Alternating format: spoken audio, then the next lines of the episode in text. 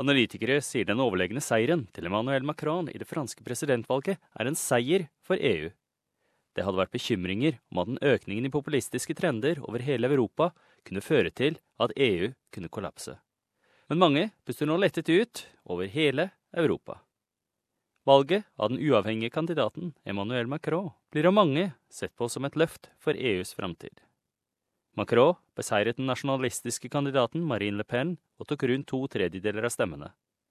Le Pens kampanje var i stor grad drevet av hennes populistiske meninger og ligner de som gjaldt Donald Trump til valgseier og Storbritannias beslutning om å forlate EU. Men dr. Maurice Helbert, en forsker i fransk nasjonal og internasjonal politikk ved University of Melbourne, sier at hennes rungende nederlag signaliserer en avvisning av disse holdningene shows that actually, well, yes, there were, uh, there were a wave of populism in, in, in the world, started with Donald Trump and maybe the Brexit, but it, it hasn't translated in the other European Union countries. And this is a good thing. Obviously, they've been able to resist it. Gjennom hennes kampanje var Le Pen en sterk kritiker av EU og foreslo å forlate eurosonen og holde folkeavstemning om medlemskapet. Men Macron har lovet å forbli forpliktet til EU. Fransk politisk ekspert, professor Peter McPhee fra University of Melbourne, sier dette bekrefter støtte for ideen om et sterkt Europa.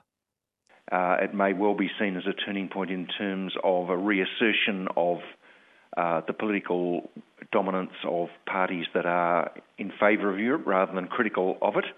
It'll be interesting to see it, how it rubs off on um, the Italian elections that are coming up next year.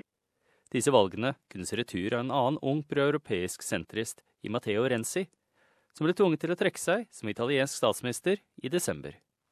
Han virker nå å være på stø kurs for et comeback, etter å ha vunnet ledelsen i sitt demokratiske parti i en primær stemmeavgivning. Mens Italia er et betydelig medlem, sier Hulbert at det er Frankrike og Tyskland som er pilarene i EU. Hun sier at Macrons seier er et løft for den tyske kansleren Angela Merkel, som står fast på en sterk forpliktelse til den europeiske blokken. Merkel er på vei til å vinne gjenvalg i september, og Helbert sier at Emmanuel Macrons seier er oppmuntrende for hennes støttespillere. I think it's going to actually give them some kind of impetus in order for their own election.